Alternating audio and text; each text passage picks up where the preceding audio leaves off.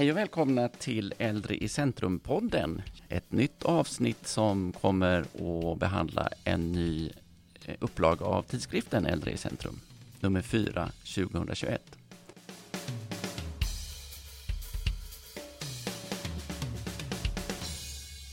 Jag heter Jonas Nilsson och jag är chefredaktör för tidskriften. Här vid min sida har jag till vänster Maj Engström.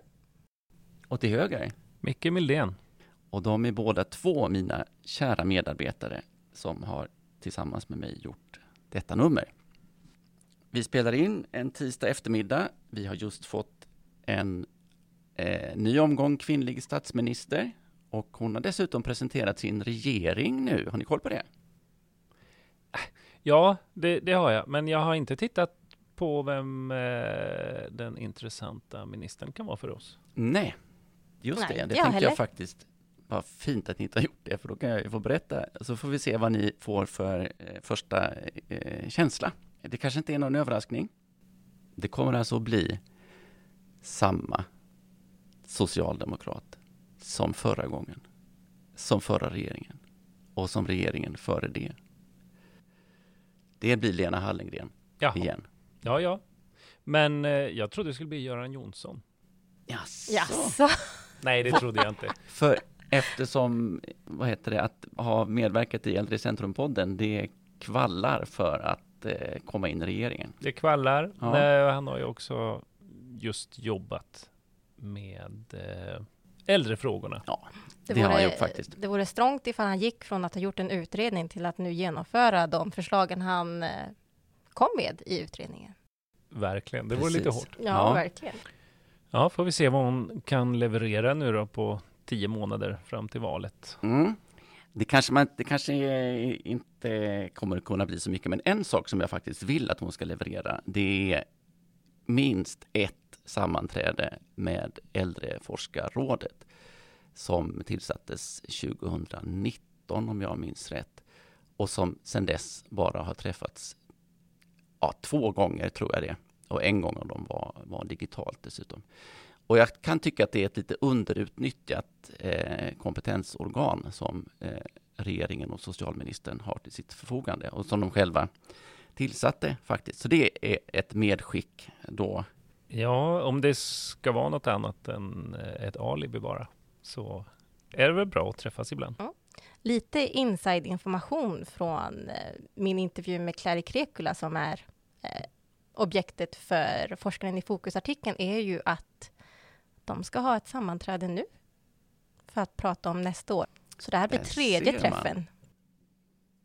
Men då så. Kom ihåg vad ni hörde det först. Ja, De ska ha ett litet annat fokus, för det senaste året har ju varit mycket coronafokus, men nu ska de verkligen satsa på äldreomsorgens andra aspekter också, sa hon. Ja, det blir intressant för coronafokuset har ju mycket pekat på aspekter som kanske egentligen inte alls har med smittskydd och sånt där att göra, utan med grundläggande saker som bemanning och resurser. Vi får höra vad som sägs. Har det hänt något mer i eh, vår omvärld? En sak som jag har tänkt på eh, med koppling till åldrande och äldre. Jag vet inte om ni tittar på Bonusfamiljen? Åh, jag älskar det. Jag har ju hört att jag borde Ja, för att få eh, perspektiv på mitt eget eh, tonårsbarns liv. Men ja. Nej, men det är alltså, för er som inte vet, eh, Bonusfamiljen är en ganska ja, allmänt omtyckt eh, serie på SVT som handlar om eh, en familj eh, med bonusbarn och respektiven och bonus eh, far och morföräldrar och så vidare och så vidare. Eh, och nu då i den nya säsongen, lite spoiler alert här, men, men eh, så är det ju en av alla föräldrar som är inblandade här, Katja, vars mamma då eh, får en demensdiagnos under den här säsongen som pågår nu. Så att där blir ytterligare liksom litet steg i att eh, synliggöra, i det här fallet då, får man väl säga att det har, eh, att man, ja men ändå har en uppgift kring dementism, som vi kallar det nu för tiden. Ja, men jag såg faktiskt en scen igår med ett halvt öga där en kvinna klev in på ett apotek och skulle eh, köpa vin, lät det som. Var det den demenssjuka personen? Alltså jag måste erkänna att vi ligger ju ett avsnitt eller två efter. Aj, aj, aj, jag kan inte- spoilade jag. Jag kan inte avslöja det, men eh, jag gissar det. Ja, jag har inte följt serien och jag kom in i, utan ett sammanhang. Eh, Och, och det var också så att hon träffade på ett barnbarn, eller ja, oförhappandes, inne på det här apoteket eh, och eh, skulle köpa någonting till det. Och då och kunde då inte hitta sin plånbok och hon hade ju den här alldeles nyss och så. Nej, men det jag kände och tänkte var, var inte det här lite övertydligt? Eh, och var det inte li, också lite schabloniserat? Ja, men det skulle ju vara lite intressant om våra lyssnare som ser serien, om ni har några tankar kring det faktiskt. S- Serien som sådan är ju ganska övertydlig och schabloniserande. Så, eh, det man väl kan säga till, till dess fördel är väl att det finns oftast en ganska stor värme för de här ofta rätt hopplösa eh, karaktärerna. Så man, man någonstans i slutändan tar man hand om dem och sådär och, och visa på lite möjligheter. Men hörru Maj, har du spanat upp någonting Ja, jag har inte spanat, jag har eh, lyssnat på någonting. Utöver Äldre i centrum-podden så har jag lyssnat på en till podd. Nämligen P3 Dystopia vars senaste avsnitt handlade om någonting som är väldigt bekant för oss just nu. Eh, om ett evigt liv. Oj då. Det är ur lite mer ett dystopiskt perspektiv, för det är ju deras grej. Men det handlar om hur man kan skjuta fram eller till och med ta bort åldrandet. Mm. Hur, och vad är dystopin i det, säger jag, som vill leva Ja, forever? dystopin är ju att det finns ju en, en grupp människor, eller vissa anser ju att åldrandet är en sjukdomsprocess. Och då är ju dystopin att ja, men, vi vill ju inte leva ett sjukligt liv, utan vi vill ju leva hälsosamt. Och då är ett sätt att nå det att helt enkelt ta bort åldrandet. Mm. Jag förstår. Men hur, eh, alltså är, är det här liksom forskning som de sitter och pratar om eh, i den här podden eller pratar de om de senaste science fiction-filmerna eller vad eh, handlar det om? Det är faktiskt så att de har pratat med forskare som är väldigt insatta i det här. Nu kan jag inte riktigt rabbla upp allt de pratar om, men det finns seriös forskning om hur man tar bort åldrandet som biologisk process. Mm. Mm. P3 Dystopia, Precis. avsnittet om... Evigt liv. Mm. Men Maj, du har redan eh, outat lite vad du har sysslat med i, eh, i upptakten till det här numret, det vill säga vilka artiklar du har producerat. En av dem nämnde du här i alla fall. Vad Vill du berätta lite mer? Mm. Jag har ju då intervjuat eh, Clary Krekula som är, numera är professor i socialt arbete vid Linnéuniversitetet. Hon bytte precis lärosäte från Karlstads universitet och har nu fått ett nytt ja, ämnesområde att eh, fokusera sig på. Hon har ju haft en väldigt, eh, väldigt lång karriär och ganska intressanta karriärsbyten. Hon började ju som tandläkare och bytte sedan till sociologi när hon skadade sin hand. Och en väldigt rolig grej med Clary är ju att när hon bytte karriär så gjorde hon ett personlighetstest som sågs eh, över av två stycken professionella psykologer då. Och baserade sitt karriärsbyte på det som framgick i det här personlighetstestet. Mhm. Hon hade aldrig tänkt tanken på att bli forskare förrän hon fick det resultatet, att hon skulle passa som det. Mhm. Men det var något som föll på plats lite då? då? Ja, hon hade förknippat forskare med, ja ni vet de här klassiska vita rockarna, alla de här tusen små verktygen. Hon var ju mer intresserad av att möta människor och hjälpa.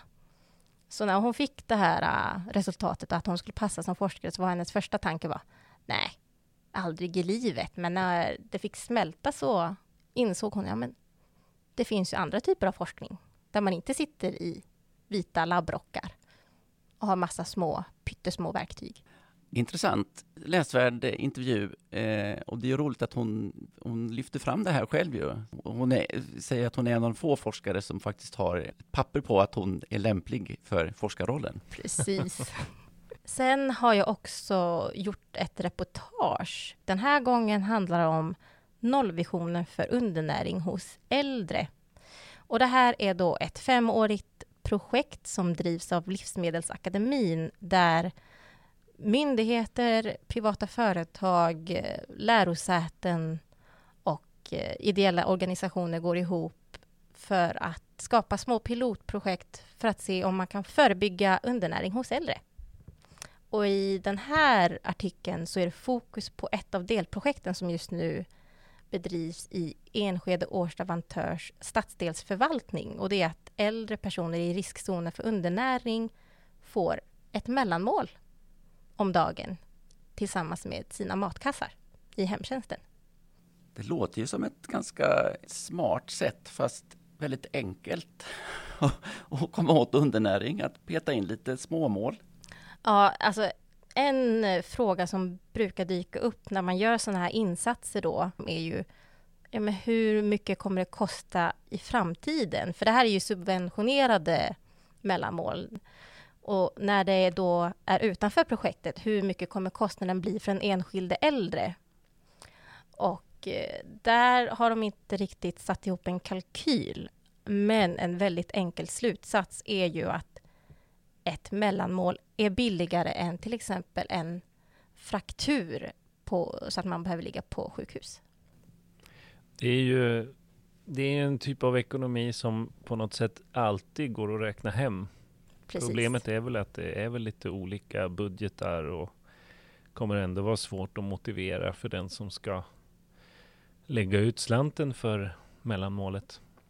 Precis, men de här två som arbetar då med det, Malin Ljung och eh, Jenny Eriksson menar ju att eh, fallfrakturskador kostar väldigt mycket mer än ett enkelt mellanmål. Mm. Det kan vi nog vara överens om eh, alla. Eller det är svårt att ifrågasätta.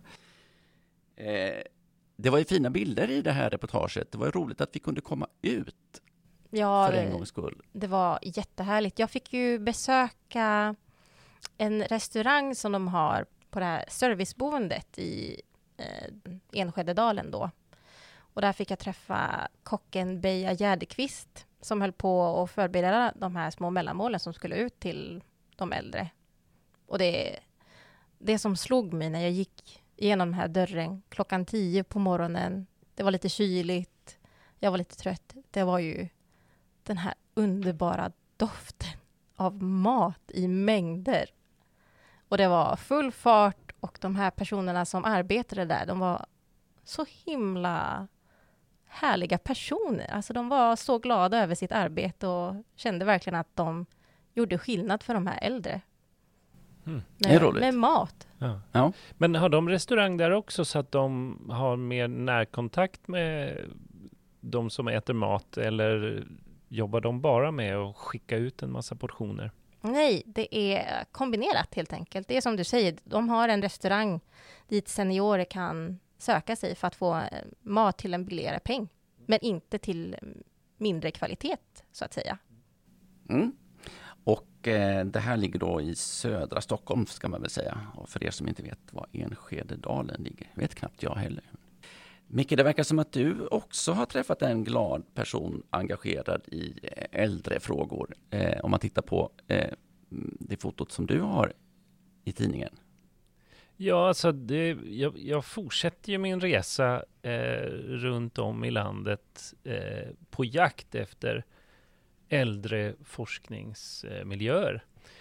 Och den här gången då så tog jag tåget ända till Uppsala faktiskt. Och då träffade jag Olof Åslund där som eh, finns på Ekonomikum. Det här är en forskningsmiljö som inte är jättestor och jätteetablerad Eh, och har publicerat eh, hundratals artiklar. Utan den här heter Åldrande migranter, arbetsmarknaden och välfärdsstaten. Och de börjar så sent som 2019 med ett anslag på 18 miljoner eller något sånt där.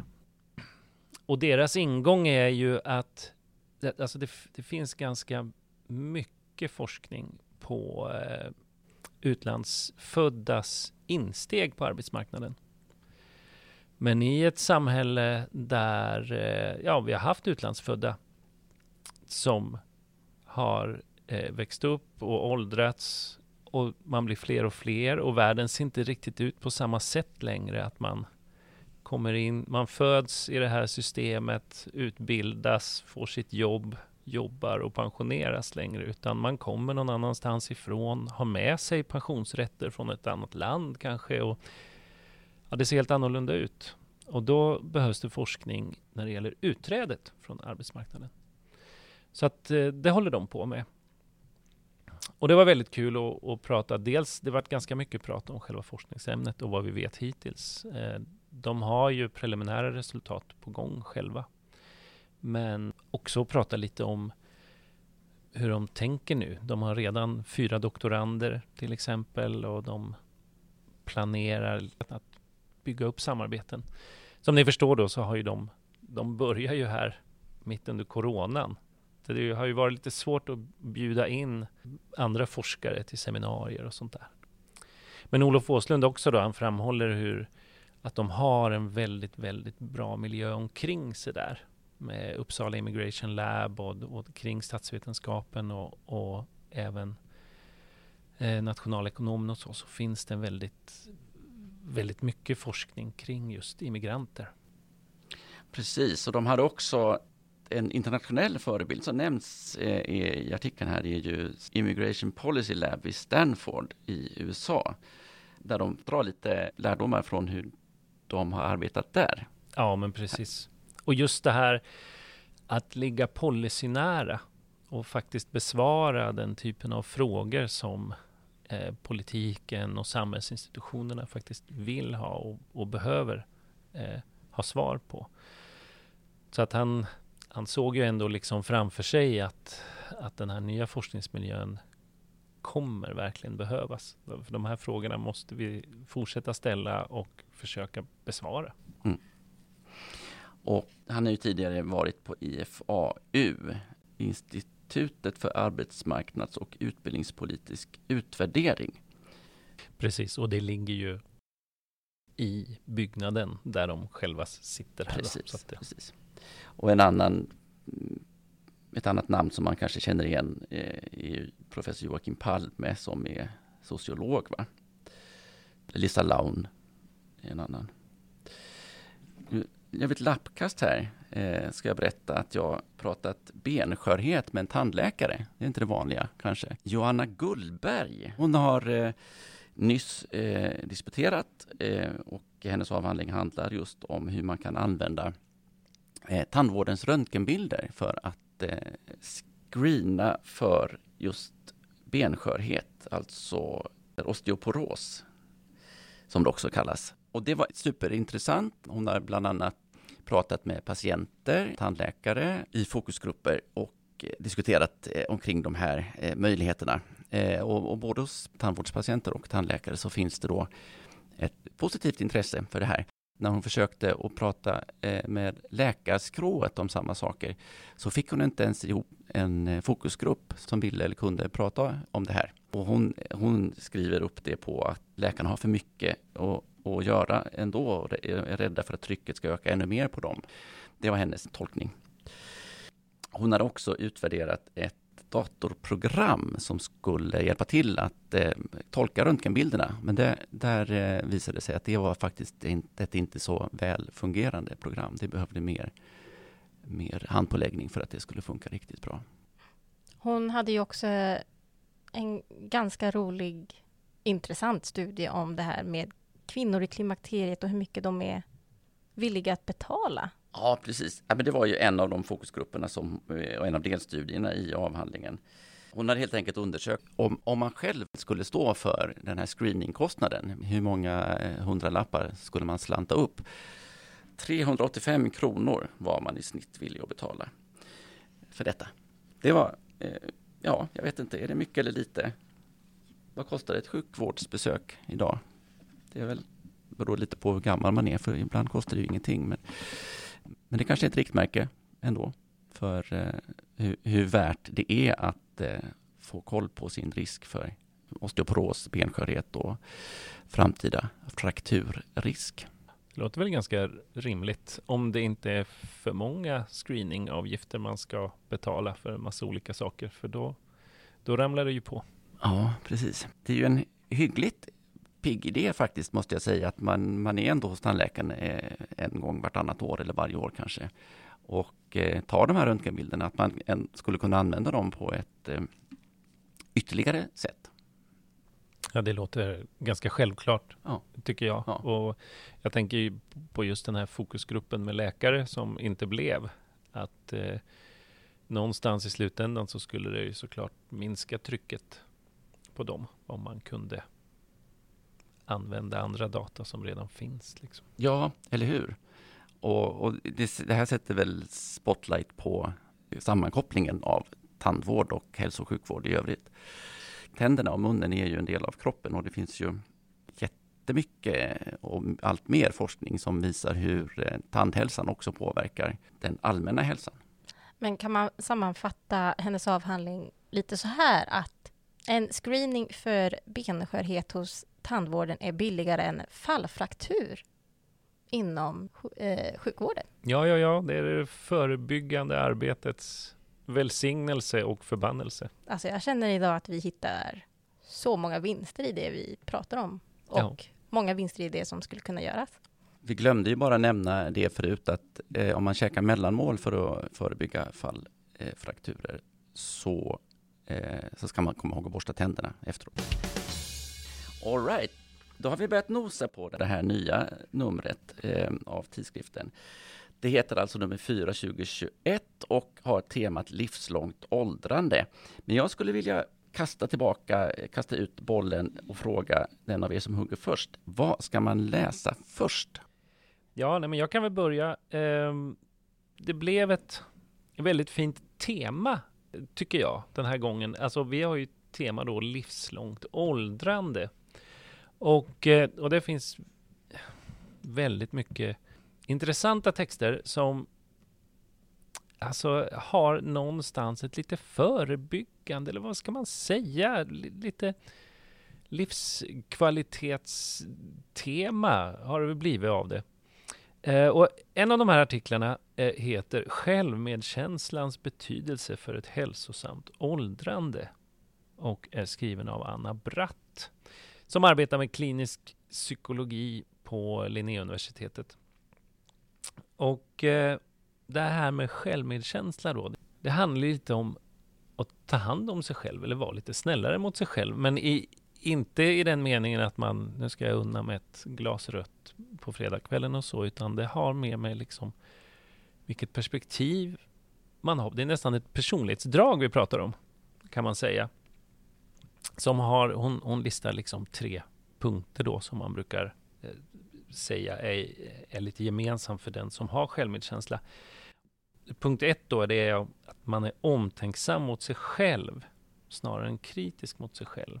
Så att man liksom inte hela tiden försöker hitta de här bristerna eller hänga upp sig på dem. Eh, och nummer två, det är att man utövar någon typ av medveten närvaro och det kan vara till exempel om man går igenom en svår eller tung period, att man, eller en händelse. Så det är mycket att man inte bara flyr ifrån det här, utan att man faktiskt får stanna i sin känsla, utan att för den skull begravas i den då. Så att det, det är det här att man faktiskt lever igenom det, man, det som är tungt också. Och sen har vi en, en tredje punkt som som de benämner som en typ av allmänmänsklighet eller en allmänmänsklig känsla som i stort sett går ut på det att, att när man, man har det tungt eller ser kanske andra har det tungt och i det här fallet då att man själv har det tungt. Eh, att man inte tänker sig att åh, jag är helt ensam i världen med det här. Utan att man ändå förstår att det här finns i ett sammanhang, att andra har upplevt samma sak, att man kan kanske ta.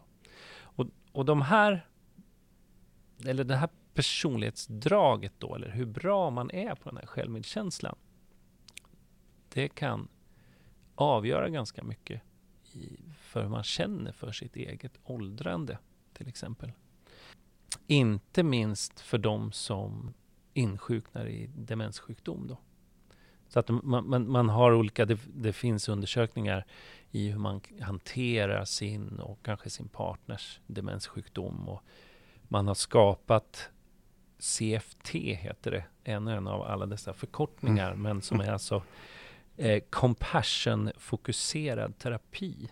Där man faktiskt kan lära sig lite att ja, men kanske bli lite bättre på att hantera förändring man inte kan ro på. Mm. Och compassion är ju engelska ordet för medkänsla, eller hur? Ja, ja. det får man ja. säga. Men, det, men det, det är en fin eh, och, och, lite tänkvärd eh, artikel. Och det är väldigt, väldigt svårt tycker jag att läsa den utan att fundera själv på hur man, alltså eh, hur bra är jag på det här egentligen? Mm.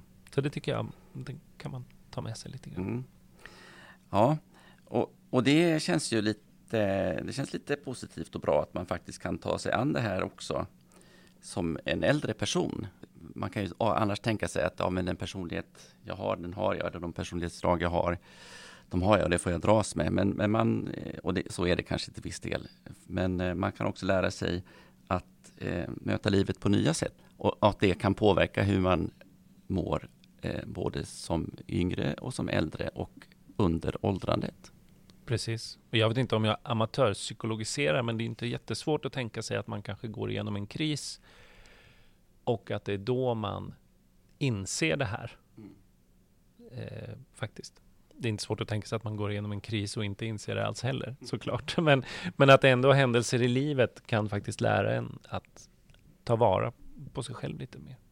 Vi ska väl också säga, eller jag kan säga i alla fall, att eh, Anna Bratt är en av deltagarna i vårt eh, seminarium som vi anordnar tillsammans med Sveriges gerontologiska sällskap, SGS.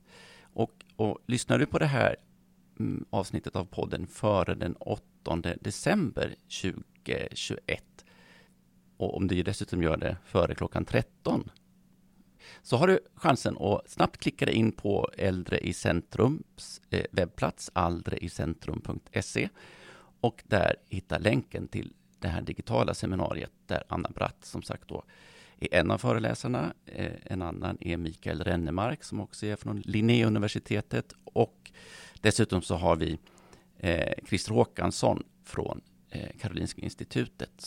Och alla de här tre har då skrivit, de har faktiskt skrivit två artiklar var till temat om eh, livslångt åldrande.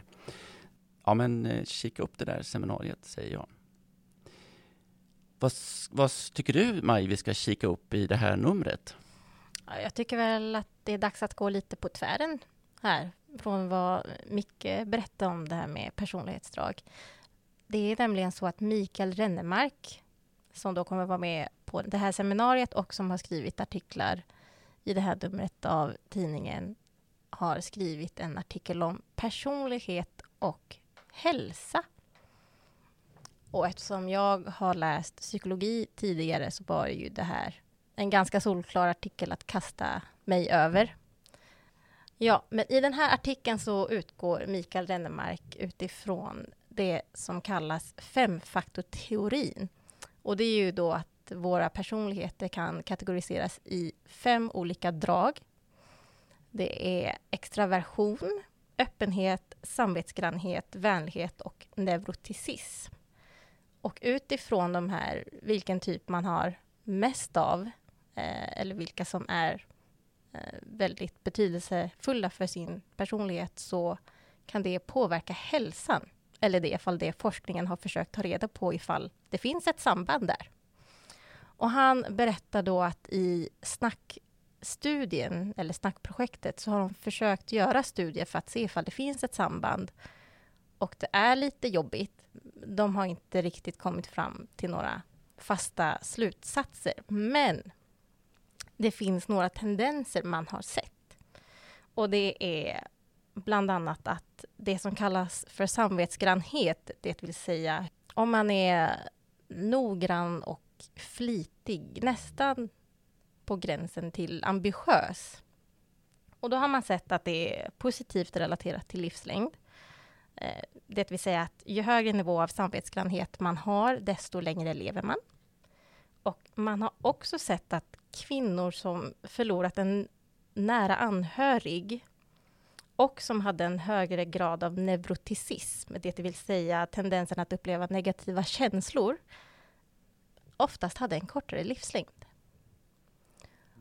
Och det här tycker jag är väldigt, väldigt intressant. För personlighet är ju inte någonting som är statiskt, utan det är, som du säger, dynamiskt. Men i det finns också en tendens att visa på samma typ av personlighet i vissa fall.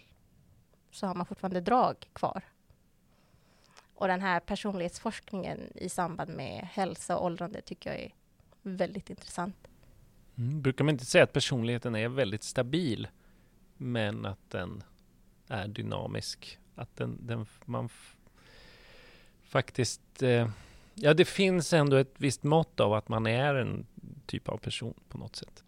Det jag skulle vilja eh, lyfta fram som en möjlig första artikel att läsa, det är ett av våra lästips, eller ett av våra längre lästips. Vi har ju både korta och långa lästips. Eh, där de långa är, ja men det är ju helt enkelt eh, recensioner eller anmälningar av eh, aktuella böcker. En av dem som då får en längre eh, recension är Nedsatt beslutsförmåga, rätt riktlinjer och praktik av Eh, Lottie Gertz, Titti Mattsson och Angelica Tellin som alla är verksamma vid Lunds universitet. Den handlar helt enkelt om det problem det kan innebära att eh, människor som har, alla, alla eh, vuxna har ju självbestämmande eh, i Sverige, kan man generellt sett. Men samtidigt så kan det ju vara, eh, och självbestämmande är då att man har en laglig rätt eh, till beslutsfattande om sig själv. Men det kan ju samtidigt vara så att man på grund av sjukdom eller kanske missbruk har sämre förutsättningar eh, att faktiskt fatta beslut som blir rimliga för en själv. Eh, och den där, eh, det där är eh, skärningspunkten där. Det är utgångspunkten för den här nya boken.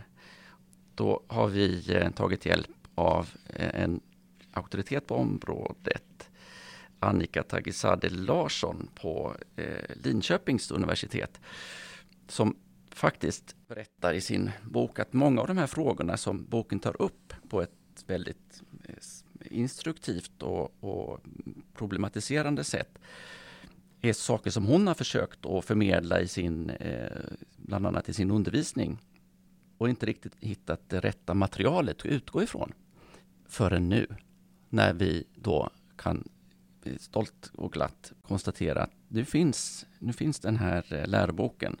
Det är en, en eh, positiv och uppskattande recension och det känns som att eh, det här är en, en bok som behövs. Det är ett lästips som är ett lästips helt enkelt. Ja. Från min sida. Det är en väldigt bra recension. Hon är otroligt bra på att berätta vilka luckor luckor den här boken fyller och varför. Och samtidigt berätta liksom om boken. Så eh, nästan en, en, en mönsterartikel. Ja, verkligen. Och hon, hon ger ju också exempel eh, ur, ur, eh, där hon själv hon kan dra sina egna erfarenheter, eller hon berättar om sina egna erfarenheter och det gör ju att man verkligen förstår på ett tydligt sätt vad som behövs. Om man då skulle fortsätta och fundera över vad som behövs och vad man tar med sig kanske. Vad har vi med oss från, från det här numret? Vad är det för någonting som sätter extra fart på ert tänkande eller som sjunker djupt in i, i eh, känslorna? En sak som jag tar med mig från den här hösten faktiskt, som är en väldigt stor snackis, är ju det här granskade reportaget Hemtjänstmaffian som är skriven av eh, Mira Klingberg Hjort och Karl Martinsson, de två journalister som har granskat och kartlagt fusk inom eh, hemtjänsten, den privata hemtjänsten. Och det här är ju otroligt otäckt att se vilka ekonomiska hålrum som finns för personer att utnyttja den här välfärden som vi har i det här landet. Och det påverkar så många. Det är inte klokt hur man kan ha gjort på det här sättet. Och det finns stora luckor som man inte har insett tidigare. Och då är det Lennart Johansson som är docent i gerontologi vid Jönköping University och senior rådgivare på Stiftelsen Stockholms läns äldrecentrum som har tagit sig an den här boken och läst. Han ger en väldigt bra, tycker jag, historiebeskrivning över vad som kan ha föranlett det här omfattande fusket som jag tycker att alla borde tänka på. Man, man, alltså det hissnar ju när man läser den här och jag har läst boken också. Och så även om den här recensionen ger en väldigt, väldigt bra bild så kan jag faktiskt rekommendera boken för att få bakgrunden Eh, kring lagarna om eh, valfrihet och det här liksom ja, men systemet man har byggt upp då. Och vilket de också väldigt, väldigt väl framhäver att det handlar ju mycket om kontrollsystem. Vi, vi har egentligen inga vettiga verktyg för att faktiskt kontrollera att de här företagen sköter sig. Och det, och det är en ganska omfattande, det är inte så att de småfuskar lite, utan det är ganska omfattande fusk som ändå är jättesvårt att komma åt. Det handlar ju om flera privata hemtjänstföretag, det handlar om miljonbelopp, det handlar om, ja vad kan det vara, hundratals, tusentals äldre som har påverkats av det här. Det är, det är hemskt. Ja, det är en, en, en enorm kreativitet i den här sektorn eh, när det gäller olika sätt att fuska då. Hur man eh, tar med sig de här streckkoderna hem då som man blippar när man kommer hem till de äldre så att man kan blippa redan när man går från eh, den förra brukaren eh, så att det verkar som man har varit där väldigt länge. Det, hur man har personal som är reggad i olika kommuner så att den jobbar bara i den ena kommunen men man skriver upp dem på schemat i den andra kommunen mm. också. Eh, för att inte tala om det här då att när någon har fuskat i en kommun så finns det ingen samordning så att de kan bli av med sina uppdrag då i, i en annan kommun, utan varje kommun måste upptäcka det här själva och så, och så vidare och så vidare. Ja, eh, boken rekommenderas till läsning eh, av Lennart Johansson. Ja, snart sagt alla behöver läsa den, tycker alltså, han. Jag tycker så här att alla borde ta sig till närmaste bokhandel köpa ett exemplar och ge den i julklapp. För det här påverkar oss alla. Det gör det. Fast frågan är om inte jag har ett bättre julklappstips ändå. Okej. Jaså? Nej, men det är ju så här, vi, vi, vi är ju väldigt, väldigt nöjda med eh, lästipsavdelningen i det här numret. För att vi, vi har haft en ganska stor hög med böcker som har legat ärligt talat på Jonas skrivbord ganska länge. Eh, och nu så bestämde vi oss för lite att nej, men nu, nu får vi ta och skicka ut det här. Det här är intressanta böcker som är viktiga för våra läsare. Och jag har faktiskt med mig en av böckerna som ju ni inte kan se där ute då. Eh, därför att jag var tvungen att köpa ett eget exemplar av den här. Det här är en bok som heter Dansa med Corona. Och det är någonting så ovanligt som att Kristianstads kommun har gett ut ett vittnesmål från sin personal om hur det var att jobba på ett, ett boende här nu eh, under coronatiden. Det är en otroligt fin bok och jag är superglad att eh, Marta Shebehey ville recensera den här. Därför att hon har ju en otroligt djup kunskap kring arbetsvillkor och, och hur det är att arbeta i hemtjänsten och vad som krävs och, och sådär. Och hon har skrivit en superfin recension som berättar varför en sån här bok är så viktig. Och bland annat så har hon själv då i, i Coronakommissionen en av de eh, underlagsrapporterna som hon skrev där efterlyst just en genomlysning och just vittnesmål från hur det faktiskt var att, att jobba med äldre i omsorgen. Och här kommer då en bok som, som delvis faktiskt fyller det eh, behovet. ja, vad ska man säga? Det, det är ju bara så här att det, det, här är liksom en bok som har tryckts upp i 4000 exemplar eller någonting eh, av Kristianstads kommun och som är jätteviktig och som väldigt få känner till. Det är mitt julklappstips. Bra tips. Men hur är det här med eh, att det faktiskt är kommunen själv som ger ut den här? Eh, det är en jättefin bok, men det är ändå kommunen berättar om sig själv. Och... Jo, och jag, jag kan ju tycka till exempel att Kommunal skulle ge ut den här boken där man skulle kunna öppna för eh, ja, men att kanske inte alla chefer har skött sig jättebra, att inte alla eh, huvudmän har stöttat upp eh, jättebra också. Men samtidigt när man läser den här boken så, så eh, det, det kanske är så att det här omsorgsboendet är eh, exceptionellt. För de berättar ju om chefer som har telefonen på 24-7, eh, som alltid är tillgängliga, redo att hoppa in själva, redo att... Så att det är möjligt också att, att den här arbetsmiljön som man har här är, jag hoppas att den inte är exceptionell då, men, men att den är väldigt bra och att det kanske till och med är det som har gjort det möjligt att, att ge ut boken. Jag ska helt kort nämna vad jag tar med mig från den här, det här numret av tidskriften.